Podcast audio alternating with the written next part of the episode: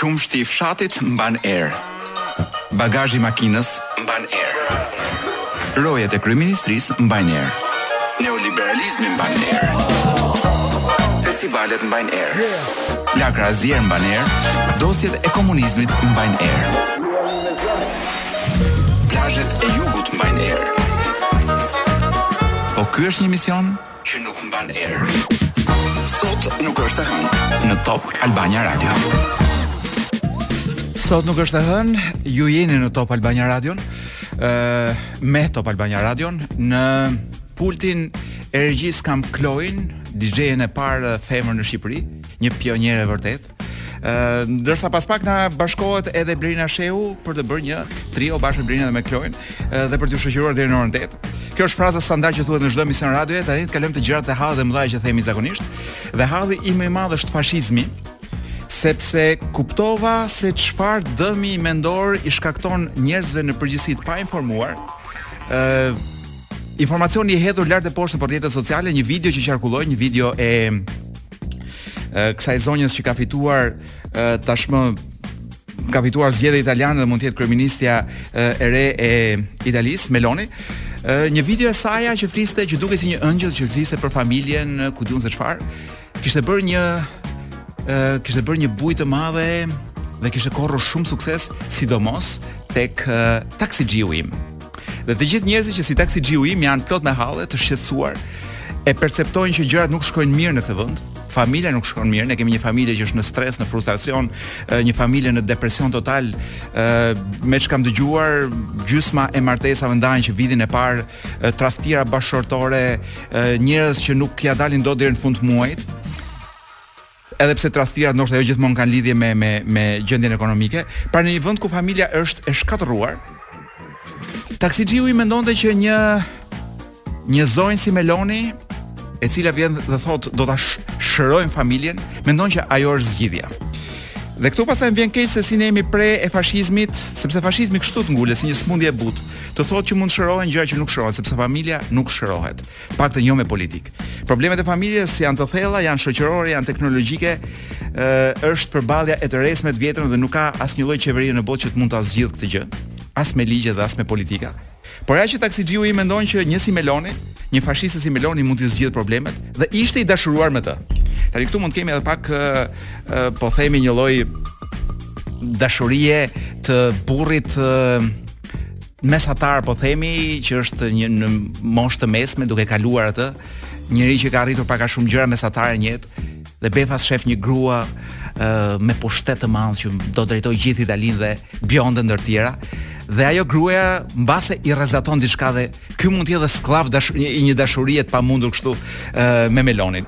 Nuk e di nëse është kjo që ja ka luajtur mendjen, po di që taksixhiu im është i dashuruar tashmë me fashizmin dhe ky është problemi jonë shumë i madh. Jo vetëm i dashuruar me fashizmin, po jo vetëm taksixhiu im, por ne kemi gjithë shqiptarët e Italisë që kanë votuar për Melonin.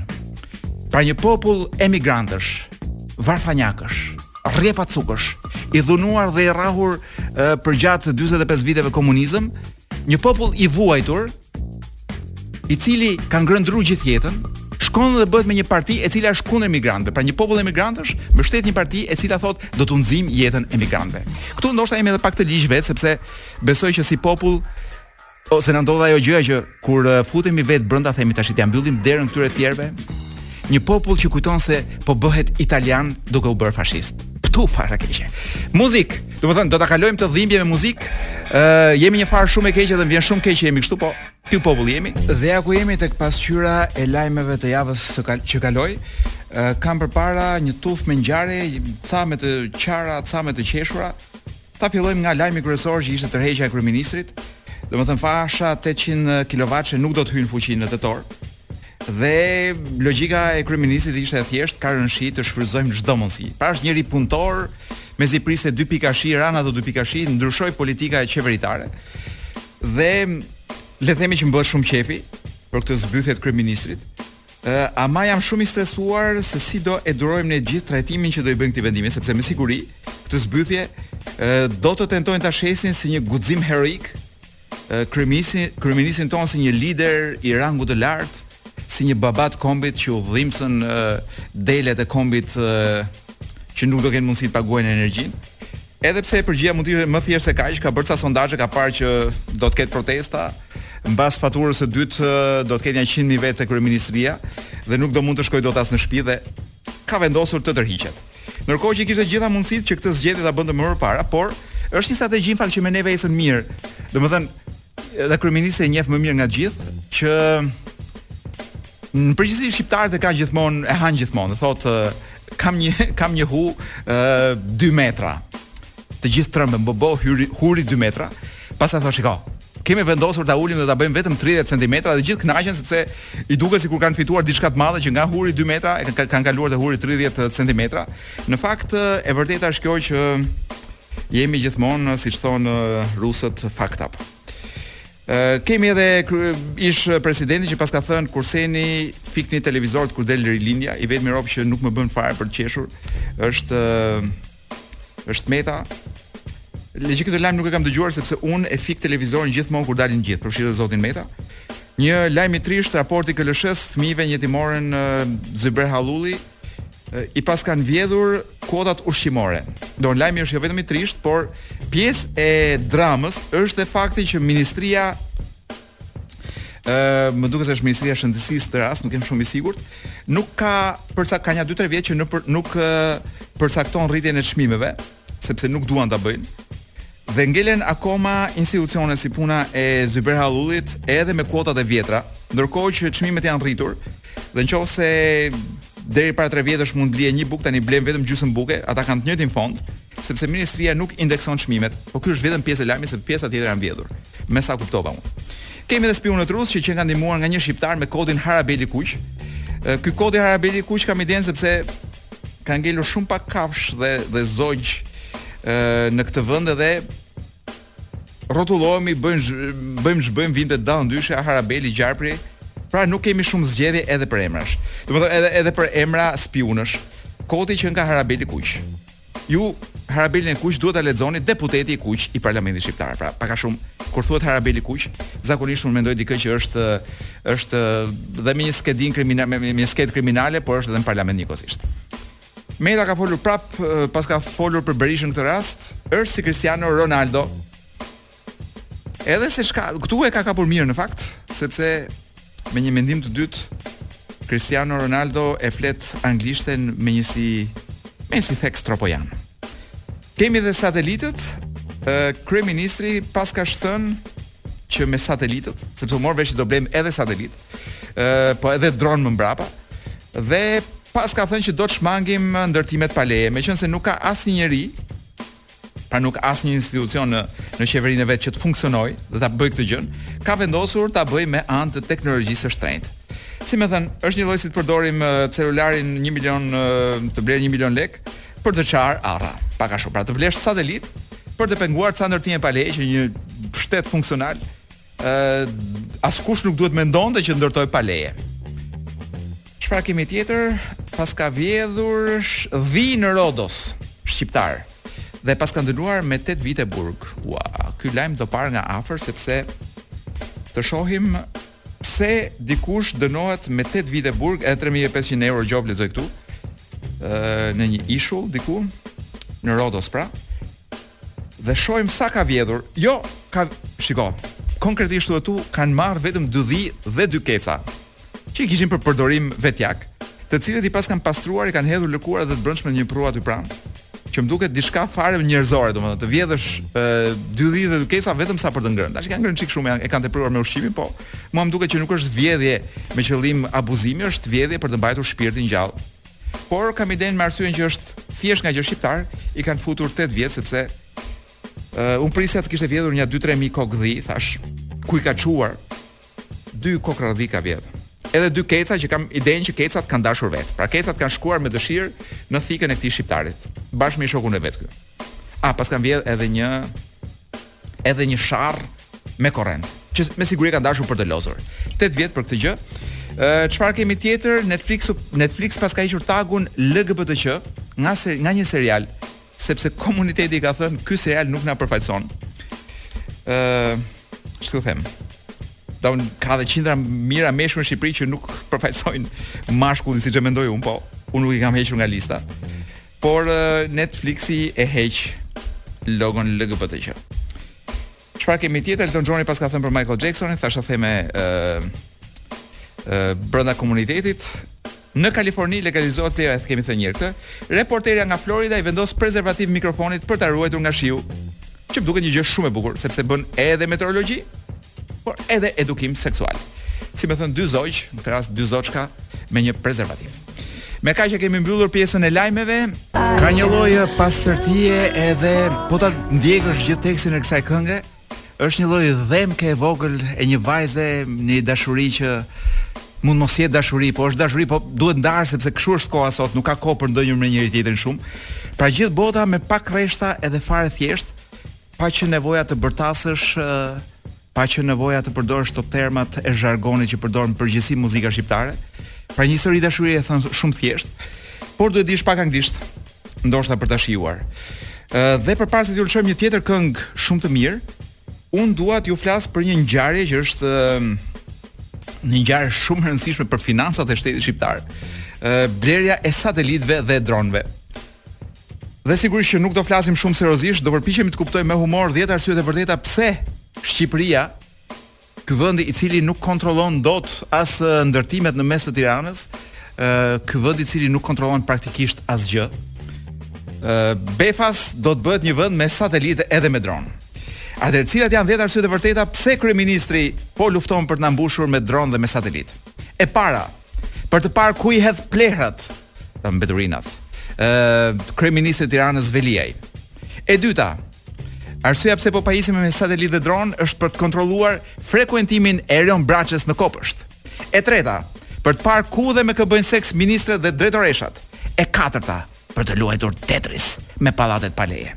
E pesta, për të zëvendësuar Ministrinë e, Infrastrukturës me dron. Pra ç'na duhet ministria e infrastrukturës, kur mund të kemi vetëm një dron që bën gjithë punën e saj. Dhe madje unë besoj që ka një projekt sekret për të ardhmen që gjithë qeveria të ketë thjesht 10 dron dhe asnjë ministri, sepse nuk kanë se çfarë na duhen. E gjashta për t'iu mburrur Abazoviçit, shiko sa të madhe kam satelitin. E shtata për të kompensuar përmasat e satelitit që i mungon, pra satelitit vogël të vetit personal, e teta për të kapur kanalet italiane falas, le të themi që po eksperimenton kryeministri me një version miliona eurosh të kanoçes. Ë, por mund ta ketë për të hapur një institut meteorologjik privat që do e quajë Meteorama. Një arsye tjetër pse po pajisemi me satelit dhe dron është për të numëruar delet e Surrelit ose për të monitoruar stërvitjet e Juventusit. Por në asnjë rast ë uh, nuk ka një arsye logjike pse Shqipëria do të ketë realisht satelit edhe dron. Një vend i lodhur, i varfër me njerëz që nuk ja dalin dot muajin, befas pordhon me satelit në ajër.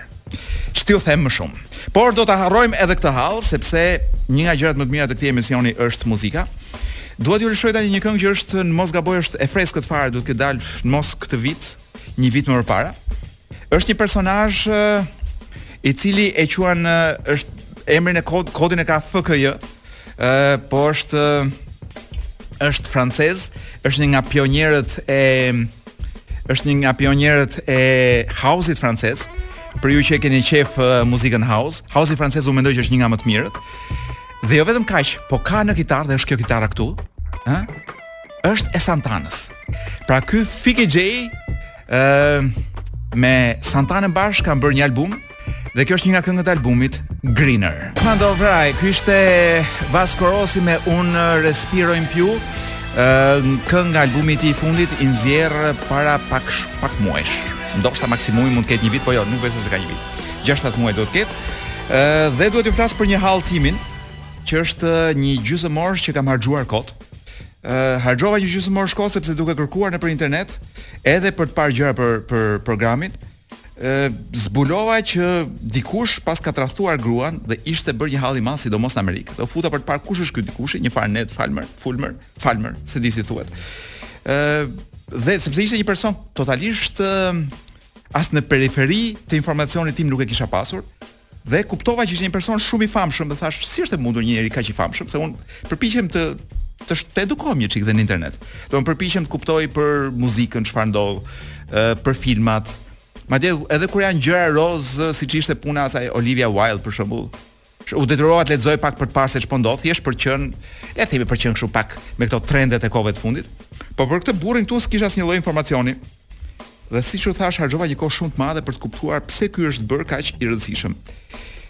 Dhe ta do mendja që unë tani do ju harxhoj edhe juve ca kohë për t'ju thënë se çfarë kam kuptuar dhe me siguri që ky burri nuk do ju duhet ndonjëherë në jetë, sepse është thjesht një nga këta njerëzit e bërë të famshëm në internet. Domethënë, ky bashkë me nja ca shokë të vetët, kanë hapur para 3-4 vjetësh një kanal në Youtube, që mora vesh që është jashtëzakonisht i suksesshëm. Domethënë, ky ka një, një komb të tërë, po themi, ky ka gjithë Ballkanin që, që e ndjek nga mrapa, se ç'ka nja 10 milion, 15 milion, jo, më pak ka, ja ta lexoj këtu. 8 milion, ka 8 milion ë ndjekës në YouTube pa folur për këta që janë të rastësishëm, që para që shkojnë herë pas herë, por nuk janë ndjekës të të mirëfilltë të tij. Dhe çfarë bën ky njeriu për të qenë kaq i famshëm, do thoni ju? Ky është si shumë si dhjetra, qindra dhe ndoshta mijëra të tjerë, kemi ca të tillë dhe në Shqipëri, është bërë i famshëm për gjëra që ne e kemi të vështirë t'i kuptojmë pak. Për shembull, ky çfarë ka bërë? Kanë bërë këtë kanalin ku ky me nja dy tre shokë të vet provojnë gjëra. Domethënë, për shembull, ë bëj një video duke provuar brekë grash. Për shembull, e vënë titullin Çunat provojnë brekë grash, o burra. Miliona njerëz duan të shohin këta dy vetët të cilët provojnë brekë grash, kur unë mendoj që do ishte më e bukur, sikur gjithë ne, të provonim brekët e grave tona edhe nuk do kishim nevojë të shohim dikë që e provon atë gjën. Pra më duket pak e çuditshme pse duhet shkosh dhe ta ndjekësh dhe ta harxhosh kohë duke parë, por e kush jam unë që të gjykoj se çfarë bëjnë njerëzit në internet, në fund të fundit. Por le të kthehemi pse ky tipi më tërhoqi vëmendjen, sepse ia paska dredhur gruash, gruas. Dhe pse kjo është një problem? A, kjo është një problem sepse kur ti bëhesh një personalitet YouTube-i, uh, Instagrami, Facebooku, gjërash, sigurisht që jeta private dhe ajo publike fillon e zhduket. Pra ti nuk e kupton ku fillon ë uh, interesi i publikut dhe ku mbaron, si me thënë, nevoja jote për të qenë vetëm dhe i pavëzhguar.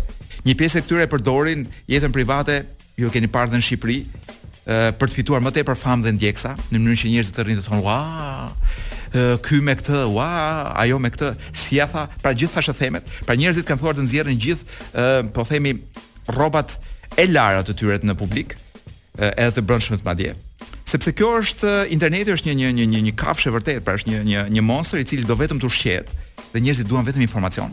Dhe ky për t'u kthyer te ky burri, ë Ned Fulmeri, ky paska ngritur famën e vet edhe duke duke duke krijuar personazhin që e dashuron gruan e vet. Dhe gjeni se çfarë ka bërë? Ia ka dredhur gruas. Prandaj po, domethënë interneti në Amerikë të paktën po dhe në këto vendet uh, anglofone është mbingarkuar hapa Twitterin që kisha ca kohë pa e hapur vetëm më dilin lajme për këtë. Vetëm sepse ky njeriu mund t'ia ketë dredhur gruas. Pra po çmendet interneti. Çështja është sa e shëndetshme është kjo gjëja për ne, për ne dhe për gjithë atë gjeneratën Z. Ë, nuk e di kush vjen mbas gjeneratës Z, po edhe gërmat i mbaruam. Pra ky njeriu thjesht se ia ka dredhur gruas, Dhe është një lajm që ndoshta mund të rri gjatë në qarkullim. Imagjino pra në gjithë botën ku ndodhin gjëra shumë të rënda, kemi edhe një luftë që vazhdon, shumë e rëndësishme. Ë për disa ditë botës nuk i intereson lufta, i intereson a ia ka a ia ka dredhur gruas ky apo nuk ia ka dredhur. Dhe kështu më iku 20-minutëshi nga jeta.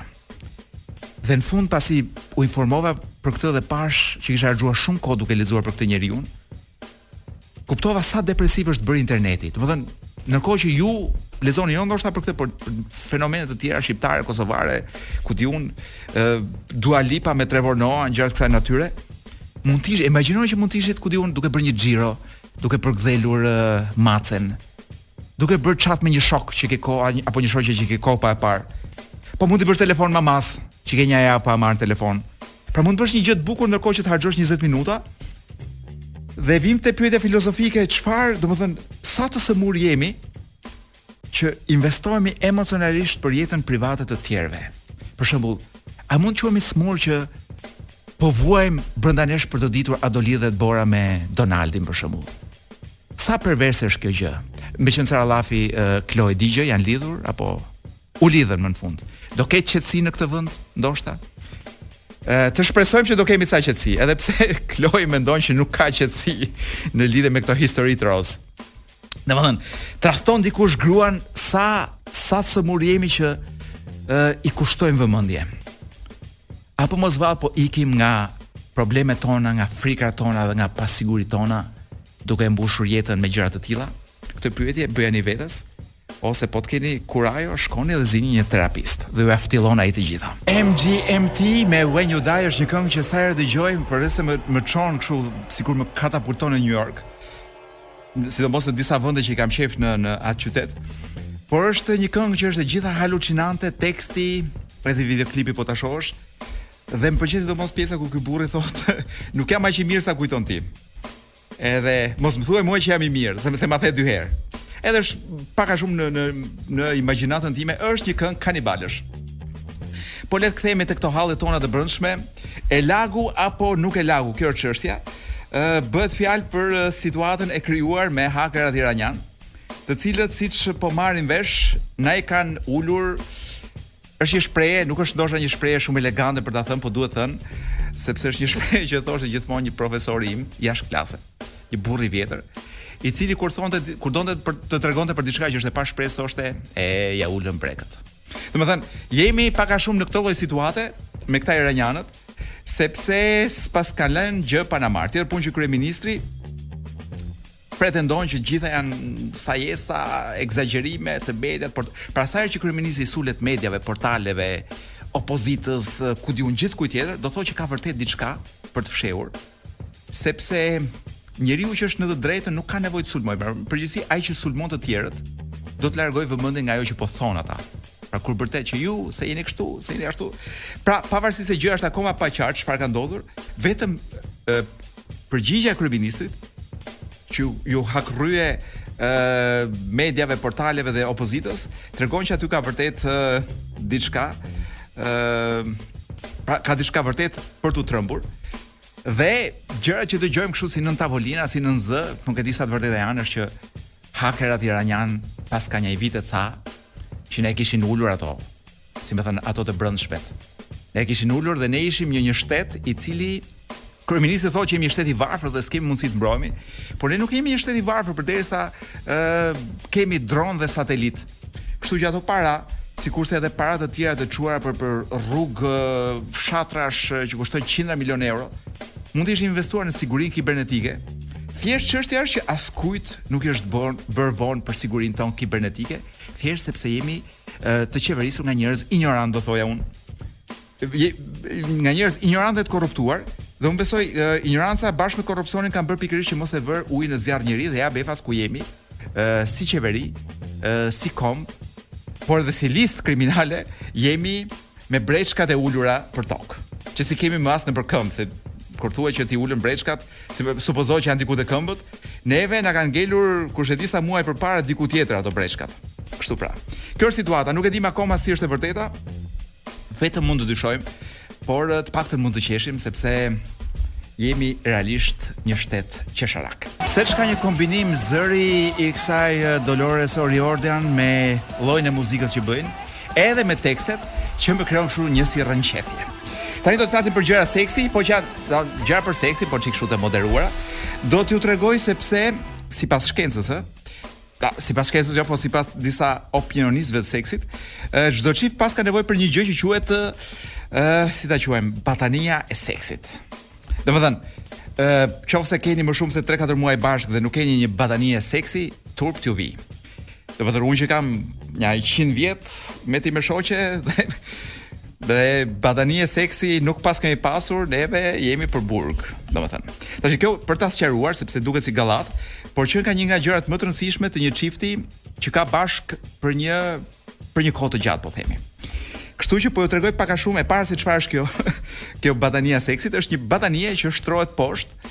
Ë e mirë është të jetë sa më komfort, ë dhe të krijojë kushte që mbasi ke kryer një marrëdhënie ë pozitive seksuale, të jetë shumë e thjeshtë ta heqësh. Po gjërat e mira që ka këto gjërat e mira që sjell kjo batania është ë pra gjë, është e para sepse pastërtia garantohet. Si me thënë, ti mbasi ke mbaruar punë, vetëm heq batanien, nuk ke nevojë të ndërrosh, se ka njerëz që bëjnë shumë pis Se e bëjnë si, ma bëjnë si cirk atë krevatin, domethënë aty. Edhe kur e bën si cirk krevatin, normal që do bësh dhe pis se një gjë hedh hidhet andej, një gjë tjetër derdhet këtej, lotët çurrë nga andej, djersët çurrë nga ana tjetër, domethënë çfarë s'bëhet aty. Kjo batania e zgjidh këtë problem. Por po lexoj këtu dhe kjo është shkencore, që këto bataniet e seksit ulkan edhe ankthin. sepse njerëzit seç i kap domethënë ngaqë është kjo jetë ajo është shumë intensive, është shumë e rrëmujshme, halle gjithandej domethënë kur shkojmë për të bërë seks, ë uh, se do jemi në tension, që do të ishte e kundërta e kësaj. Ama kur ti gjen një batanie që e njeh prej 10 vjetësh, ndoshta më shumë njeh batanien se ç'njeh personin që është në batanie. Sigurisht që ë ta heq atë. Pra je futesh në një vend që për ty është një vend i dashur, i njohur, ë pozitiv, Edhe po themi të largon komplet ankthin. Dhe siç po lexoj këtu te këto studimet, një nga gjërat e mira të, të këtyre batanijeve është që kthehen në një ngacmues erotik. Si me thënë, është pak a shumë si puna e maceve të mia që sa ndjen kërcitjen e e e kanoçes së, së së tonit që hapet, Sulen me vrap sepse menjëherë kjo gjë u kujton që ka një ushqim të mirë për to. E njëjta gjë me batanien, ti sa shef batanien, vap, të ndodhin gjëra pozitive, pra të të hyp një dëshirë e madhe dhe e mirë, ë për marrëdhënien që të pret. Tani nuk e di a ka nevojë t'ju tregoj se si përdoret kjo batania e seksit, në mënyrë që ju mos të mos ta vini në kokë atë ose mos mendoni që është diçka me të cilin ku di un, ta varësh njërin cep ke dera, tjetrin ke dollapi dhe të tundesh mbi të. Po ju them që duhet përdor thjesht si batanie. Dhe, domethënë, në momentin që ti mendon që është koha për të kryer një marrëdhënie dashurie, tak shtron batanien. Nuk jua këshilloj që të lëvizni me një batanie mbledhur tub nëpër nëpër qytet. Edhe pse ndoshta ju mund të keni ë uh, dëshirë që ta shtroni në lloj-lloj vendi, ë nuk është e këshillueshme pra të dilni me batanie, mbajeni në shtëpi në një vend afër që duhet ta zërë dora edhe fillon sesioni. Ai un po lexoj këtu që ka lloj-llojesh. ë këshilla kryesore që un po mendoj për ju është që të jetë me një ngjyrë të errët. E kuptoni sepse. ë ashtu dhe. Por kujto duhet ju kujtoj që duhet ta lani vazhdimisht. ë Çfarë mund të bëjmë më shumë ne këtu në radio sesa t'ju përmirësojmë jetën seksuale? Më shumë se kaq domethënë nuk besoj ë se ka çfarë mund të bëjmë. Çfarë kemi ti ë Kloi? Kemi një këngë. Kemi një këngë që është nga grupet e mia të preferuar sepse është i vetmi grup ë politik i mirëfillt ku unë gjej veten, pra është dhe rock, por është dhe shumë politik. ë dhe janë Muse. Në gjithë tekstet e tyre që nga fillimi flasin për hallet e botës dhe për ndryshimin e botës, Dhe janë pak a shumë si punë e organizatës politike këtu te ne. Ju po dëgjoni sot nuk është e hënë në Top Albania Radio dhe data 6 sot është akoma 3. Po do vi data 6 sepse rrugës e kemi, pra është në rrugën tonë. Është një ditë e bukur për për filmin shqiptar sepse një nga filmat Unë gjykoj që është një nga filmat më të mirë aksion që është prodhuar në Shqipëri. Ë me histori shqiptare është produksion i huaj, por ka edhe Shqipëri brenda, pra ka Shqipëri dhe në produksion, edhe në research etj etj. Që është filmi The Brave, ë do të ketë në datën 6 një shfaqje në rrjetin e kinemave Uçi në Itali. që është një nga rrjetet e mira serioze të Italisë. Është një rrjet si siç kemi Cineplexin këtu është Uçi në Itali dhe është në të paktën 20 qytete italiane dhe për gjithë ata që dëgjojnë radion jashtë Shqipërisë, edhe në Itali, mund të kenë mundësinë ta shohin siç thashë një nga filmat më të mirë të aksionit në ekran të gjerë edhe me bomba dhe me gjëra si historia e Lazaratit, fiction sigurisht. Pra është marrë Lazarati dhe është rindërtuar, është pasuruar, është plotësuar, është zbukuruar, është por lufta është e gjitha me ç'të them. Është ç'të them domethënë, është rrëqethëse. Dhe ndërkohë që un i bëj një çik reklam këtij filmi, ku kam pasur fatin të jem edhe si biçim producenti ekzekutiv, Duke u ftuar që nëse keni jeni në Itali dhe jeni afër një kinemaje Uçi, të shkoni ta shihni. I them mirë se erdhe në studio edhe Blerinës, e mirë se të gjej. jam shumë i lumtur që hakerat italianë të lëshuan. Po. U rrëmbeva rrugës duke ardhur për këtu, por nuk isha e vlefshme për ta, kështu që jam jam. Unë habitem kur dëgjoj. Unë habitem kur kur dëgjoj që ka njerëz që nuk i rrëmbejnë njerëj. Po pra. Po kur i lëshojnë, mbasi i kanë rrëmbyer, ç'mund të thuash? nga këta të lëshuarit nuk kemi dëgjuar se kur, kur të janë shumë seriozë ata që të rrëmbejnë, të rrëmbejnë dhe nuk të kthejnë më, po ah, kemi publicitet. Ah. Jo, dua të të jap një lajm. Jo një lajm, po dua të diskutoj një gjë me ty. Erdha. Më ke ardhur fiks, fiks. në kohë. Një vesh që të të dëgjoj më në fund. Më ke më ke ardhur fiks në kohë sepse po lexoja Ti besoj u informove si gjithë ne të tjerët për e, për mundësinë që hakera të kenë hakeruar atë sistemin Memex, që un sot e mora vesh që paskemi një gjë që quhet Memex. Po po. Ë, që është sistemi policor. Është si një meme Si çfarë gjithë gjith policia e shtetit. Kështu më ngjau Memex. I tillë është edhe sistemi Memex, dyshohet. Aha. Uh -huh. Po nuk kemi, nuk nuk ja, kemi garantuar. Asnjëherë nuk do ta dim. Ë që është hakeruar. Ja, po ja. bëri shumë përshtypje fotoja e Ervis Martinajt 15 vjet më parë. Si ishte? Pra që atë s'e ke parë. Më pas ka humbur. Ë të ka humbur, e kam këtu, do të ta kthej madje ta ta shohësh, po ta zmadhoj një çik. Po më fal, përse a shi shi shi. Kjo është foto. Po është njësoj. Është jo. Është Shiko, un po po përpiqem ta ta lexoj dhe më duket më duket duhet të ketë qenë i ri këtu, ku ta di un, nuk e di 18, 20, 22. Dhe duket që akoma nuk e ka marrë atë rrugën e Mem-s. E, e Mem-s që themi ne. E Memexit. Pra. është e shoh dhe është Po të mos e dija që është ky Martina i famshëm krimineli që ka bërë ato të merre. Dhëndër për dhëndër për jo. Jo. Kujdestar për macet e mia, do. Unë mund të kisha besuar macet e mia dhe të thosha që dy orë që do largohem nga shtëpia. Ama je i sigurt.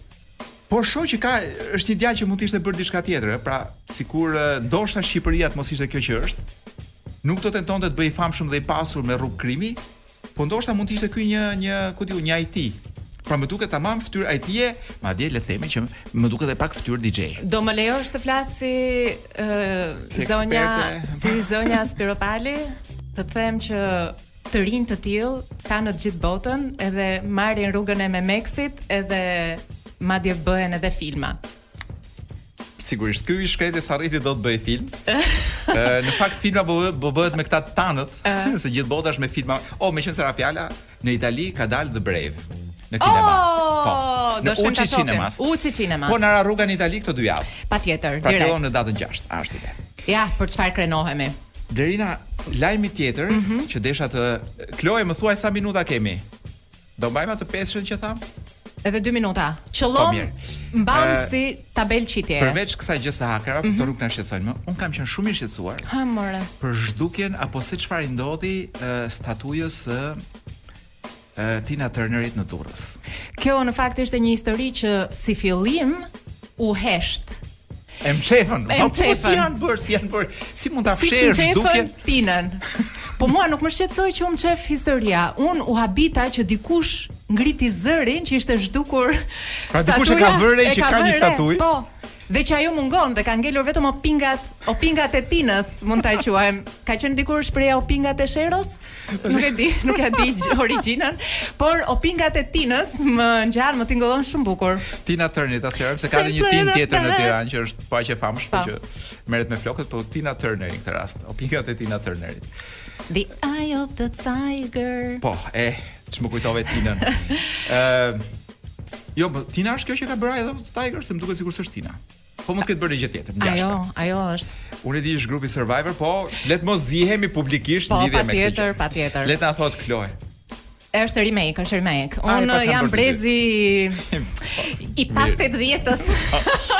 Ë, Blerina, tashi tani po. Mua më shqetëson pak mm -hmm. fakti që në Durrës ka ca statuja që shumica e njerëzve Është, po, është nuk ka zë në sy. Po.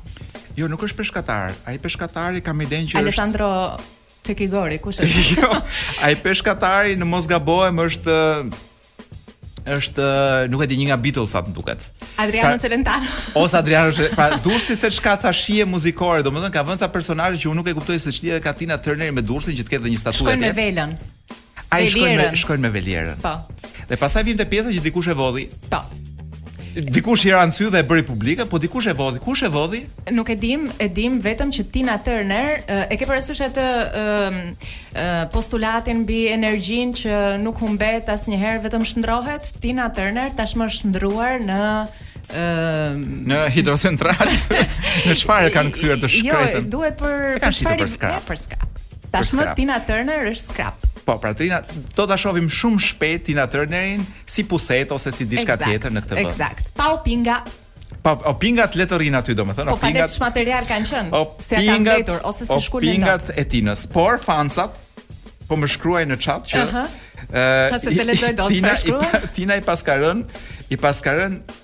që ka rrëzuar mbi një fëmijë që ka qenë duke lozur ke, ke busti Tinës dhe Tina Turneri busti, domethënë ka rënë te ky fëmijë. Ë Po, e vërtetë. Dhe pastaj me sa duket e zhdukën, mm -hmm. e zhdukën. Kjo është edhe arsyeja pse nuk është bërë lajmi lajm. E zhdukën për të eliminuar faktin që këto statujat që nga dhe po na vrasin dhe fëmijët, se mm -hmm. gati jemi për çik panik, po na vrasin fëmijët statujat. Meqenëse ra fjala mezi po pres të, të gjej një moment natën, të bëj një foto me Mick Jaggerin, të më bjerë Mick Jagger sipër dhe ta marr ta fus në makinë. Është Se çfarë do i bëj Mick Jaggerit? Ke një këtu ke ke ke liqeni artificial, është një statujë e Françesk Radit, është një tjetër e Teto Ollgës në Tushemisht, zgjidh ti po, domethënë. Po të paktën Françesku më na na thotë diçka. Po na thotë, Tina Turner nuk e di. Sidomos te liqeni meqenëse ka qenë nga këta po, pionierë të këngëve të liqenit. Po, po Tina Turner në në rrethinat e Durrësit. Nuk e di, do më... Ke me që të më qëllosh tjetër. I vraftë Tina. Ke me që të më qëllosh tjetër. Jo, jo, tani, uh, DJ Kloe, kemi kohë apo s'kemi? Nuk kemi kohë. Nuk kemi. Por do gjuhemi me lajme mbas një çik muzike, çfarë na ka vënë Kloe tani, paska vënë prap reklama. E më edhe ti më vër një çikë muzikë. Mas reklamave muzikë shumë e mirë nga Kloe. Dhe jemi rikthyer në valët e Top Albania Radios. Sot nuk është absolutisht e hënë, edhe unë jam Blerina dhe përball meje qëndron Kolo. Tani Kolo kam radhën të të gjuaj. Lëshoji të gjitha bombat që ke marrë. Shiko, meqenëse uh, më përmende Italinë, uh, lajmi që vijon është ngushtimisht i lidhur me romanët, me kryeqytetasit e çizmes, të cilët quhen tradhtarë të mëdhenj. Dhe ata ata mbajnë flamurin si me thënë. Ata ndër shumë uh, kryeqytete turistike të cilat janë marrë në vëzhgim për sa i takon tradhtisë, na del që romanët janë dredharakë të mëdhenj dhe jo vetëm. Mm -hmm. Domethënë, përveç faktit që shifrat mbërrijnë në 75% gjatë muajve të verës dhe kjo ka dhe një shpjegim shkencor thonë psikologët 75% të çifteve të martuara flasim po flasim për tradhti bashkëshortore jo ata që kanë 3-4 vjet jo, të jo. lodhur nëse se italianët kanë një po veti që bashkëjetojnë për 15 vite dhe pastaj martohen po po, po flasim po nga po flasim për çifte të mirëqëna zakone 75% në, në periudhën e verës ato që tradhtojnë më shumë janë gratë ua gratë gratë Me sa duket Kolo, gratë kanë mësuar nga më të mirët. Tani kanë manualin dhe din si bëhet. Jo, mos u ndje fare, po ti nuk je roman njëri.